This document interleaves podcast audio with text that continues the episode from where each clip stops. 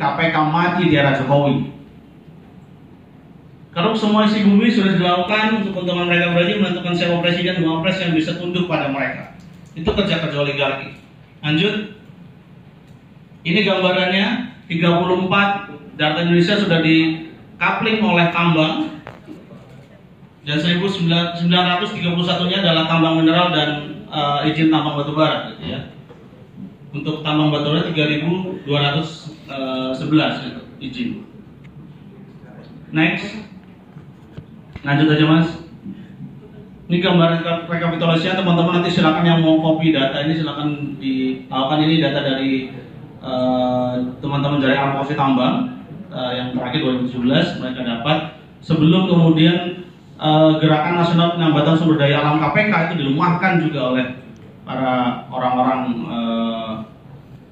di internal KPK gitu ya walaupun kemudian itu hanya uh, berapa pimpinan yang kemudian uh, melakukan perombakan ini sehingga kemudian gerakan ini tidak uh, setajam sebelumnya. Next.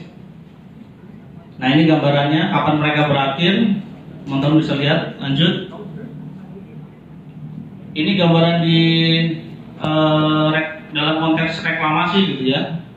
Uh, lubang tambang ongkosnya tak terbayar gitu ya.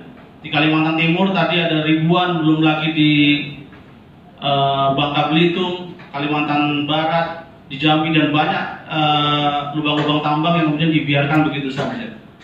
Kewajiban reklamasi tidak dilakukan oleh perusahaan. Lantas ke mana uang dana uh, jaminan reklamasi tersebut? Fakta menemukan bahwa dana-dana tersebut kemudian masuk ke kantong-kantong bupati atau gubernur. Lanjut. Ini kalau teman-teman besok lewat tol di Samarinda Balikpapan itu gambarannya. Lubang tambang itu harus direklamasi atas nama kebijakan pemerintah. Pemerintah sendiri yang tanggung jawab untuk melakukan reklamasi, bukan perusahaan. Padahal kewajiban reklamasi dilakukan oleh perusahaan. Tapi atas nama bangunan tol seperti itu. Sama seperti ibu kota baru besok. Lubang-lubang tambang, perusahaan tam, hutan karena HTI, karena HPH, karena perkebunan sawit itu harus dibayar oleh negara terhadap perusahaan-perusahaan yang telah merusak Kalimantan Timur. Ada Sukanto Tanoto di sana, ada Hasim di Kusumo di sana, ada Luhut, ada banyak lagi orang-orang yang menerima manfaat atas mega proyek ini. Teman-teman bisa baca laporan teman-teman atau bisa buka di web ibu kota baru untuk siapa.id. Itu digagas oleh teman-teman masyarakat sipil untuk kemudian memberitahu siapa saja elit politik ataupun elit pengusaha yang diuntungkan atas mega proyek ibu kota baru. Next.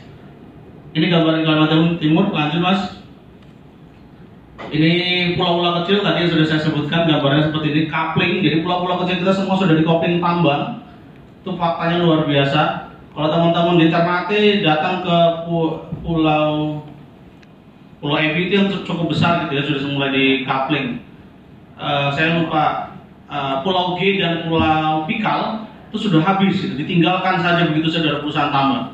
Tidak direklamasi kalau teman-teman hari ini buka saja citra satelit cari namanya Pulau G atau Pulau Pakal itu sudah habis, tidak ada lagi tumbuh-tumbuhannya. Undang saya untuk hadir di sini uh, untuk provokasi ya sebenarnya untuk presentasi sudah. ya, uh, saya kira selamat atas deklarasi ini semoga tidak seumur jagung gitu ya.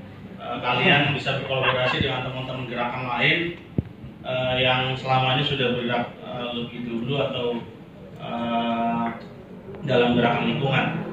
Nah, saya akan mulai dari presentasi uh, cepat saja gitu karena ini sebenarnya sudah saya presentasikan uh, jauh sebelum pemilu. Jadi uh, buat para pemilih 2019 jangan marah dengan presentasi saya gitu ya karena sudah diingatkan untuk golput tapi kalian tetap memilih ternyata mereka sudah bergabung hari ini gitu ya.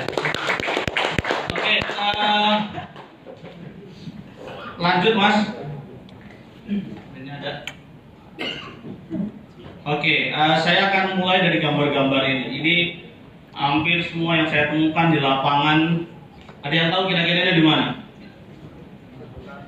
Hah? Ini di Maluku di Pulau Serang. Tambangan emas yang diduga kuat, backingnya jenderal polisi, dan tentara. Rakyat-rakyat di sana sudah terpapar merkuri dalam jumlah yang banyak. Nah, mereka sudah mulai masuk ke tahapan yang namanya apa di Jepang itu? Hah? Minamata. Terima kasih kakak sudah ingatkan. Bagaimana mereka terpapar membakar uh, merkuri untuk kemudian menjadikannya emas yang pada kemudian terpapar asapnya merkuri cair dan lain-lain. Luar biasa mengerikan sekali. Mereka masyarakat mendapat berapa persen keuntungan tapi kemudian para oligarki yang lain mendapatkan keuntungan yang lebih besar tanpa harus mendapatkan dampak yang luar biasa. Di lapangan next. Lanjut kira-kira ini di mana Kalimantan ada yang lain ada yang dari Maluku Utara di sini. Ya. Kira-kira di mana ini, Mas? Hah? Ini di Pulau GB. Kalau teman-teman cari pulau kecil, Pulau GB itu sudah seperti ini bentuknya. Ditinggalkan saja oleh Antam, tidak reklamasi, kemudian masuk lagi investasi baru Cina di sana. Masyarakat di pulau itu harus membeli ikan dengan harga para pekerja tambang, bukan harga dari masyarakat lokal di sana. Jatang punya laporannya, saya turun ke lapangan, saya melihat langsung bagaimana, bahkan membeli langsung harga ikan yang tidak uh, yang dibedakan, uh, yang di, untuk masyarakat lokal disamakan dengan dengan mereka yang pekerja tambang. Yang mayoritas kebanyakan juga dari luar. Luar Jawa. Yang maksudnya dari luar Pulau Gibi dari Jawa dari Kalimantan Sulawesi bahkan dari pekerja Cina. Lanjut. Ini juga masih di GB sungai lautnya tercemar laut-laut yang indah di Papua maupun di Indonesia Timur sudah banyak yang tercemar seperti ini nyaris tidak ada media yang masuk sana juga karena butuh uh, perjalanan biaya yang mahal untuk nyebrang dan butuh kekuatan mental juga untuk masuk ke lokasi-lokasi yang uh, listrik hanya hidup mulai dari jam 6 sore sampai jam 12 malam. Selebihnya mati. Kalau katanya Abdul, makanya orang Papua itu hitam-hitam gitu karena kemudian listriknya banyak matinya, banyak gelap. Lanjut. Nah, kalau ini tadi di Kalimantan. Ini hanya satu saja bagian dari uh, lubang tambah yang ditinggalkan oleh salah satu perusahaan di sana. Total data Jatam ada seribuan lebih lubang tambang yang tidak dilakukan reklamasi di sana. Sudah 36 anak yang meninggal dunia di undang saya untuk hadir di sini uh, untuk provokasi ya sebenarnya untuk presentasi sudah ya uh, saya kira selamat atas deklarasi ini semoga tidak seumur jagung gitu ya Eh, kalian bisa berkolaborasi dengan teman-teman gerakan lain uh, yang selama ini sudah bergerak uh, lebih dulu atau uh, dalam gerakan lingkungan. Nah, saya akan mulai dari presentasi uh, cepat saja gitu karena ini sebenarnya sudah saya presentasikan uh, jauh sebelum pemilu. Jadi uh, buat para pemilih 2019 jangan marah dengan presentasi saya gitu ya karena sudah diingatkan untuk golput tapi kalian tetap memilih ternyata mereka sudah bergabung hari ini gitu ya. Oke, uh, lanjut mas. Ini ada. Oke, uh, saya akan mulai dari gambar-gambar ini. Ini hampir semua yang saya temukan di lapangan. Ada yang tahu kira-kira di mana? Hah?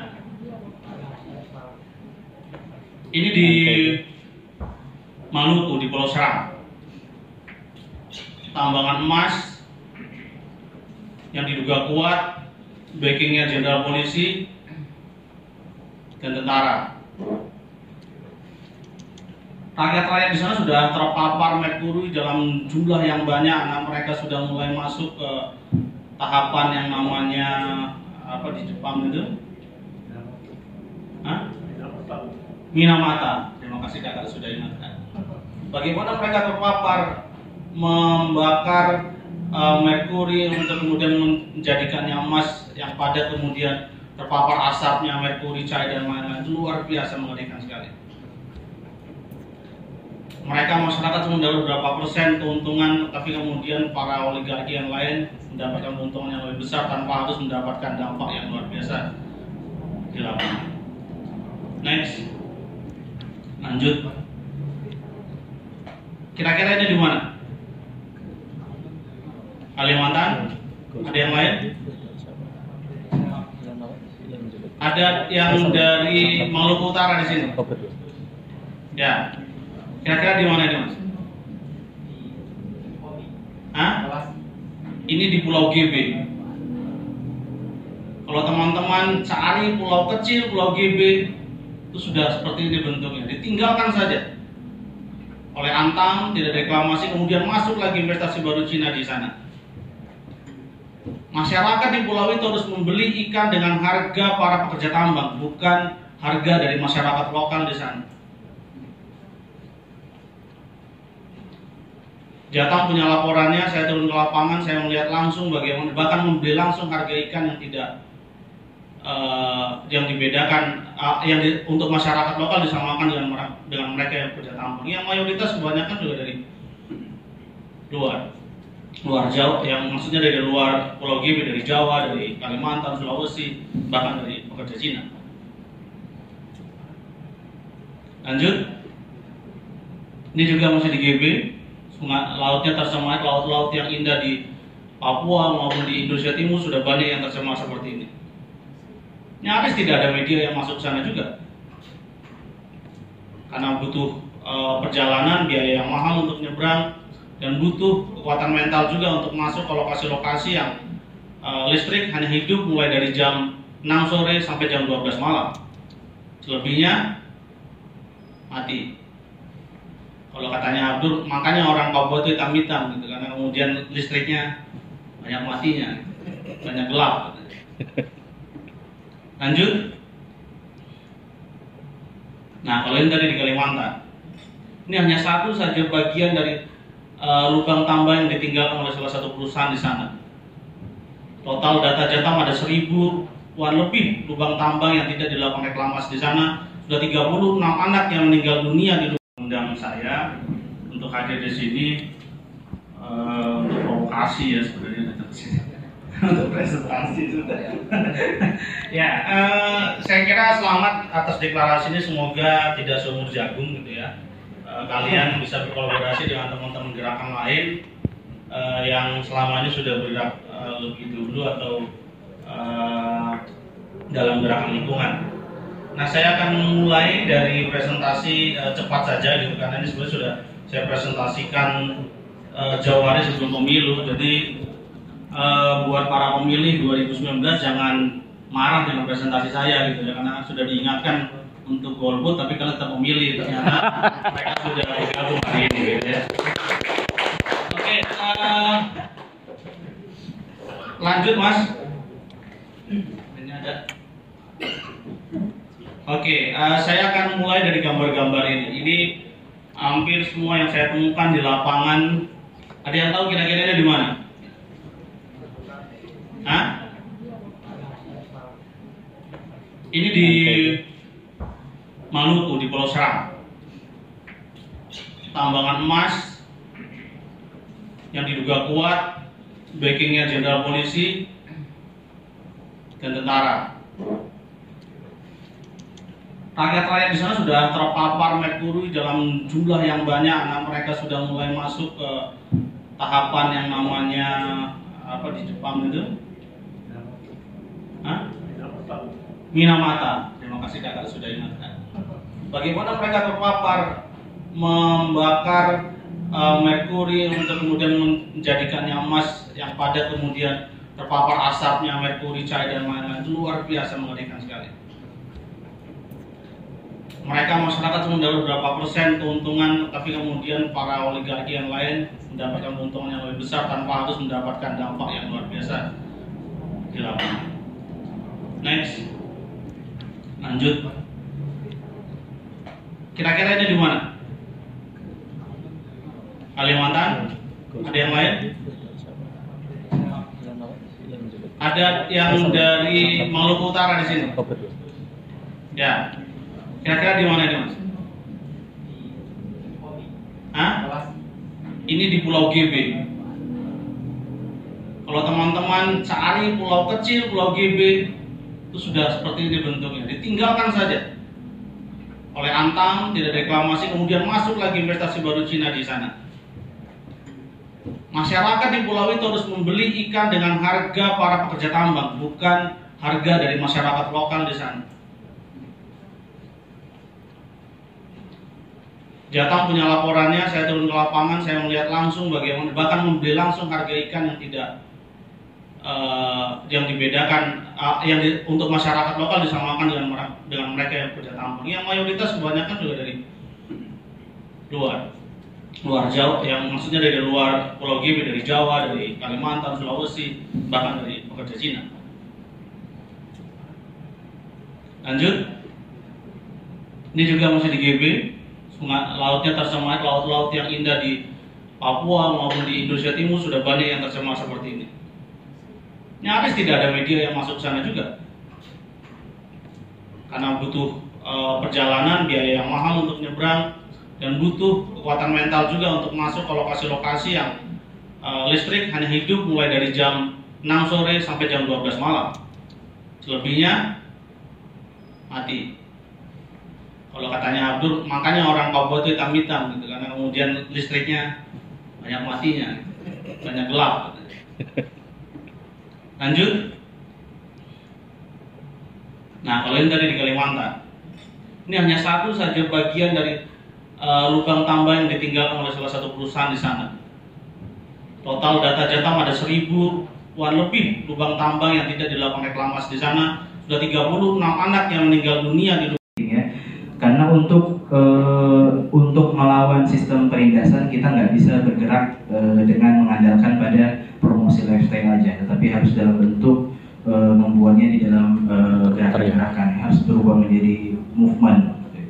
Sehingga uh, visi Islam berkemajuan bagi kader hijau Muhammadiyah adalah visi berkemajuan yang dalam arti adalah uh, melawan sistem-sistem yang menindas manusia, gitu ya kata kata berkemajuan dari Ahmad Dahlan itu ditafsirkan sebagai spirit sebetulnya spirit anti kolonialisme gitu. Jadi kalau kita baca di e, naskah awal ketika e, Ahmad Dahlan menulis tentang kemajuan, yang terbayang di dalam e, imajinasi naratifnya adalah bagaimana umat Islam itu pertama adalah kuat secara ekonomi. Gitu. Kenapa kuat dalam secara ekonomi? Kalau kita lihat dalam konteks sejarah waktu itu, ya hampir semua urusan ekonomi politik dikuasai oleh kolonial gitu ya atau minimal oleh sektor-sektor privat yang sekarang semakin membesar gitu. Nah, di dalam imajinasi seperti itu Ahmad Dahlan yang dipikirkan pertama kali adalah Ahmad Dahlan meninggalkan usahanya apa e, kegiatannya sebagai seorang wirausahawan yang sukses gitu ya. Ahmad Dahlan menjual semua barang-barang dia yang dia miliki harta benda yang dimiliki untuk dibangun e, sekolah dan rumah sakit gitu. Jadi e, dalam tafsiran kami teman-teman kader hijau Muhammadiyah, visi, visi berkemajuan Muhammadiyah di abad kedua harus bergerak ke arah pembelaan lingkungan karena pembelaan lingkungan ini e, problemnya sangat besar, gitu ya. Kerusakan demokrasi, kerusakan kekuatan sipil, kemudian e, ketimpangan, kemiskinan, kelaparan, kemudian e, penguasaan ekonomi yang tidak sehat, semuanya berawal dari proses eksploitasi sumber daya alam yang timpang, gitu ya.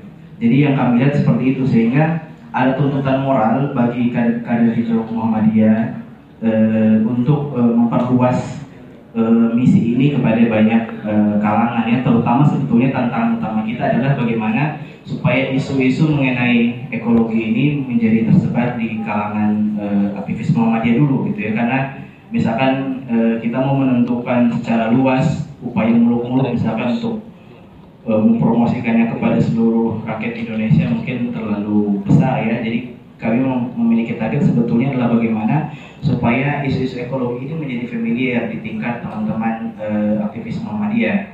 Jadi tahun 2016 uh, eh, kebetulan saya waktu itu jadi aktivis di Ikatan Pelajar Muhammadiyah. Kami uh, berupaya untuk uh, apa, mempromosikan isu, isu jihad ekologis, gitu ya. Jadi ada tiga isu yang waktu itu kita angkat, pertama adalah jihad literasi, Eh, kemudian kedua jihad ekologi yang e, ketiga adalah eh, pemberdayaan e, rekan sebaya. Nah, kenapa e, organisasi uh, otonom seperti IPM harus berurusan dengan ekologi itu waktu itu menjadi pertanyaan umum di teman-teman di forum dan waktu itu saya sebagai ketua materi menjawab bahwa isu ekologi sudah bukan lagi eksklusif milik milik para ekonom, milik para ahli klimatologi, milik para orang-orang yang berurusan dengan isu ekologi, tapi ini menjadi isu kita bersama karena semuanya akan kena di kita, gitu ya. Dan eh, yang terakhir adalah bahwa kemunculan kader hijau Muhammad ini sebetulnya adalah stimulasi dari berbagai macam eh, informasi-informasi uh, ekologi yang sudah mulai uh, tersebar dengan baik gitu ya. Misalkan uh, sekarang kita untuk membaca atau misalkan memahami soal oligarki nggak perlu lagi membaca buku tebal atau maksudnya harus berjibaku membaca buku tapi kita bisa ada media-media populer yang membantu kita untuk memahami isu-isu tersebut ya. Misalkan uh, semenjak semenjak uh, kenal dengan Watchdog gitu ya. Jadi saya sering kali ngisi pelatihan anak IPM selalu sesi salah satu sesinya adalah menonton film Watchdog gitu ya. Yang biasanya saya tontonkan bisa di ke teman-teman uh, aktivis IPM kita biasanya menonton uh, video misalkan cipta gelar atau seksi killers dan lain sebagainya dalam rangka apa? Dalam rangka supaya ada pengetahuan visual yang siapa tahu itu bisa uh, secara cepat efektif, efisien untuk uh, membangun kesadaran lingkungan gitu. Jadi uh, sebetulnya uh, kemunculan kader hijau Muhammadiyah adalah bagian dari stimulasi uh, demokratisasi pengetahuan soal ekologi yang sekarang sedang terjadi gitu ya termasuk misalkan eh, kami teman-teman di Muhammadiyah itu juga ya pengikut pembaca artikel Mas Tommy gitu ya di Muga Baik gitu ya. Kemudian juga sebelumnya ya kita sering membaca artikel-artikelnya Gus Roy misalkan sebelum Islam bergerak ya di Indo Progress gitu kan. Jadi eh, apa jejak jejak dari pengetahuan ekologi yang ada di teman-teman yang mulai konsen ekologi di Muhammadiyah itu berasal dari mengambil dari banyak tempat gitu ya. Karena kami merasa memang di dalam organisasi kami eh, dalam isu ini memang eh, masih terbatas gitu. Sehingga kami meminjam banyak eh, catatan banyak eh, literasi dari teman-teman yang memang bergerak di isu itu. Kemudian eh, sebetulnya secara personal beberapa aktivis di Muhammadiyah juga sangat concern di psikologi gitu ya. Cuma uh, tidak ter tidak ter harus utamakan karena uh, isu ekologi memang belum belum menjadi satu poin bersama gitu ya atau kata kunci dari anak Muhammadiyah. Nah uh, sebetulnya kami berharap itu sehingga uh, kalau teman-teman lihat terutama teman-teman Muhammadiyah kalian bisa kalian bisa cek produk-produk Muhammadiyah baik di Tarji maupun uh, Tanfis Muhammadiyah itu ada beberapa yang sudah menyinggung masalah ekologi gitu ya misalkan uh, tahun berapa yang musyawarah wilayah PWM 2015 ya, misalkan 2015 misalkan ada uh, embrio gerakan uh, apa melawan uh, apa melawan ya privatisasi tapi dalam rangka rantai pangan ya. Kayak misalkan e, menolak berbelanja di warung suara yang berjejaring gitu ya. Ya itu memang kecil-kecil tapi saya kira sangat efektif. Beberapa teman-teman yang e, beririsan dengan Muhammadiyah juga mengadvokasi isu yang sama gitu. Jadi e, katakanlah itu isu ekologi di tataran e, apa tata kota tapi kami menganggap itu bagian dari jihad ekologi yang bisa kami lakukan gitu ya. Syukur-syukur itu bisa menjadi bagian dari kata kunci kita bersama gitu ya teman-teman yang aktif di dalam riset-riset ekologi seperti Mas Tommy kemudian yang uh, memang bergerak di apa isu ini ya seperti Mas uh, Roy gitu jadi kami berharapnya itu bisa menjadi kata kunci kita bersama gitu karena uh, betul sudah puluhan tahun kita dan terlalu sibuk ya anak muda Muhammadiyah berurusan dengan isu-isu soal NU Muhammadiyah dalam tataran yang nggak produktif gitu ya. Jadi e, dengan munculnya kader hijau Muhammadiyah kita berharap ada alternatif pilihan lain buat teman-teman yang e, aktif di Muhammadiyah tetapi ingin e, berurusan dengan isu-isu yang menyangkut dengan kehidupan orang banyak gitu ya, atau kehidupan publik gitu. Saya kira seperti itu ya supaya ada waktu untuk Mas Tommy. Selamat Mas. Oke, terima kasih banyak dari Jawa Muhammadiyah ini e, berdiri atas nama solidaritas yang berangkat dari wacana ekologi itu sendiri ya. Nah, untuk selanjutnya yaitu terakhir ya Mas Tommy sendiri dari jurnalis Monggalai, silakan. Oke, Oke, uh, Assalamualaikum warahmatullahi wabarakatuh. Terima kasih. ya. Karena untuk eh, untuk melawan sistem penindasan kita nggak bisa bergerak eh, dengan mengandalkan pada promosi lifestyle aja. Tetapi harus dalam bentuk eh, membuatnya di dalam gerakan-gerakan. Harus berubah menjadi movement sehingga eh, visi Islam berkemajuan bagi kader hijau Muhammadiyah adalah visi berkemajuan yang dalam arti adalah eh, melawan sistem-sistem yang menindas manusia gitu ya kata kata berkemajuan dari Ahmad Dahlan itu ditafsirkan sebagai spirit sebetulnya spirit anti kolonialisme gitu. Jadi kalau kita baca di e, naskah awal ketika e, Ahmad Dahlan menulis tentang kemajuan, ya terbayang di dalam e, imajinasi naratifnya adalah bagaimana umat Islam itu pertama adalah kuat secara ekonomi. Gitu. Kenapa kuat dalam secara ekonomi? Kalau kita lihat dalam konteks sejarah waktu itu, ya hampir semua urusan ekonomi politik dikuasai oleh kolonial gitu ya atau minimal oleh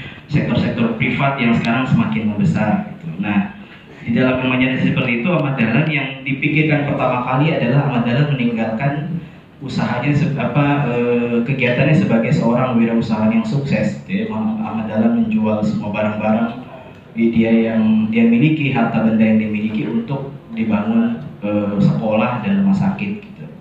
Jadi e, dalam tafsiran kami teman-teman kader hijau Muhammadiyah, visi, visi berkemajuan Muhammadiyah di abad kedua harus bergerak ke arah pembelaan lingkungan karena pembelaan lingkungan ini problemnya sangat besar, gitu ya. Kerusakan demokrasi, kerusakan kekuatan sipil, kemudian e, ketimpangan, kemiskinan, kelaparan, kemudian e, penguasaan ekonomi yang tidak sehat, semuanya berawal dari proses eksploitasi sumber daya alam yang timpang, gitu ya. Jadi yang kami lihat seperti itu sehingga ada tuntutan moral bagi kader hijau Muhammadiyah e, untuk e, memperluas e, misi ini kepada banyak e, kalangan ya. Terutama sebetulnya tantangan utama kita adalah bagaimana supaya isu-isu mengenai ekologi ini menjadi tersebar di kalangan e, aktivis Muhammadiyah dulu gitu ya karena misalkan e, kita mau menentukan secara luas upaya muluk-muluk misalkan untuk e, mempromosikannya kepada seluruh rakyat Indonesia mungkin terlalu besar ya. Jadi kami memiliki target sebetulnya adalah bagaimana supaya isu-isu ekologi ini menjadi familiar di tingkat teman-teman e, aktivis Muhammadiyah. Jadi tahun 2016 e, kebetulan saya waktu itu jadi aktivis di Ikatan Pelajar Muhammadiyah. Kami e, berupaya untuk apa, mempromosikan isu, isu jihad ekologis, gitu ya. Jadi ada tiga isu yang waktu itu kita angkat, pertama adalah jihad literasi, Eh, kemudian kedua jet ekologi yang e, ketiga adalah eh, pemberdayaan e, rekan sebaya. Gitu. Nah, kenapa organisasi e, otonom seperti IPM harus berurusan dengan ekologi itu waktu itu menjadi pertanyaan umum di teman-teman di forum. Dan waktu itu saya sebagai ketua materi menjawab bahwa isu ekologi sudah bukan lagi eksklusif milik milik para ekonom, milik para ahli klimatologi, milik para orang-orang yang berurusan dengan isu ekologi tapi ini menjadi isu kita bersama karena semuanya akan di kita gitu ya. Dan eh, yang terakhir adalah bahwa kemunculan kader hijau Muhammad ini sebetulnya adalah stimulasi dari berbagai macam eh, informasi-informasi uh, ekologi yang sudah mulai uh, tersebar dengan baik gitu ya. Misalkan uh, sekarang kita untuk membaca atau misalkan memahami soal oligarki nggak perlu lagi membaca buku tebal atau maksudnya harus berjibaku membaca buku tapi kita bisa ada media-media populer yang membantu kita untuk memahami isu-isu tersebut ya. Misalkan eh, semenjak semenjak eh, kenal dengan watchdog gitu ya. Jadi saya sering kali misi pelatihan anak IPM selalu sesi salah satu sesinya adalah menonton film watchdog gitu ya. Yang biasanya saya tontonkan bisa di cross ke teman-teman uh, aktivis IPM kita biasanya menonton uh, video misalkan cipta gelar atau seksi killers dan lain sebagainya dalam rangka apa? Dalam rangka supaya ada pengetahuan visual yang siapa tahu itu bisa uh, secara cepat, efektif, efisien untuk uh, membangun kesadaran lingkungan gitu. Jadi uh, sebetulnya uh, kemunculan uh, kader hijau Muhammadiyah adalah bagian dari stimulasi uh, demokratisasi pengetahuan soal ekologi yang sekarang sedang terjadi gitu ya. Termasuk misalkan eh, kami teman-teman di Muhammadiyah itu juga ya pengikut pembaca artikel Mas Tommy gitu ya di Mugabai gitu ya.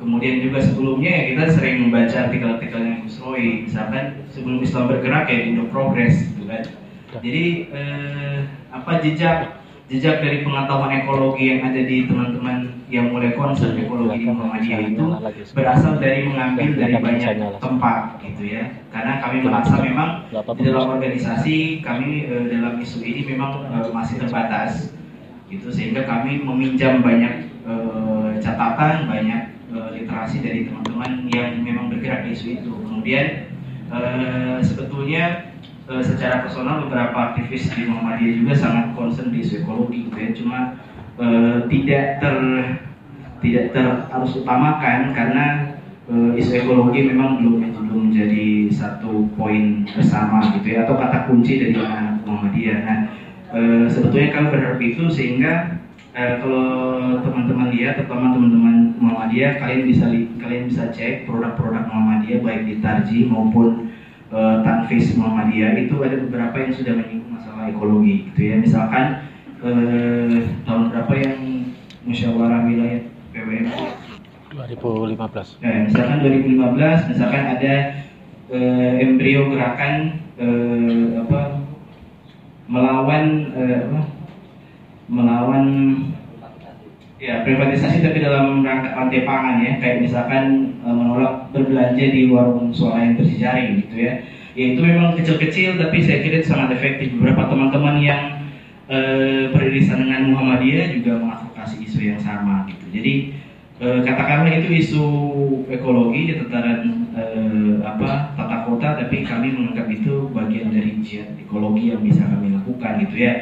Syukur-syukur itu bisa menjadi bagian dari kata kunci kita bersama gitu ya teman-teman yang aktif di dalam riset-riset ekologi seperti Mas Tommy kemudian yang eh, memang bergerak di apa isu ini ya seperti Mas eh, Gus Roy gitu jadi kami berharapnya itu bisa menjadi kata kunci kita bersama gitu karena Eh, betul sudah puluhan tahun kita dan terlalu sibuk ya anak Muhammadiyah berurusan dengan isu-isu soal NU Muhammadiyah dalam tataran yang nggak produktif gitu ya. Jadi dengan munculnya kader hijau Muhammadiyah kita berharap ada alternatif pilihan lain buat teman-teman yang eh, aktif di Muhammadiyah tetapi ingin eh, berurusan dengan isu-isu yang menyangkut dengan kehidupan orang banyak gitu ya atau kehidupan publik gitu. Saya kira seperti itu ya supaya ada waktu untuk Mas Tommy. Selamat.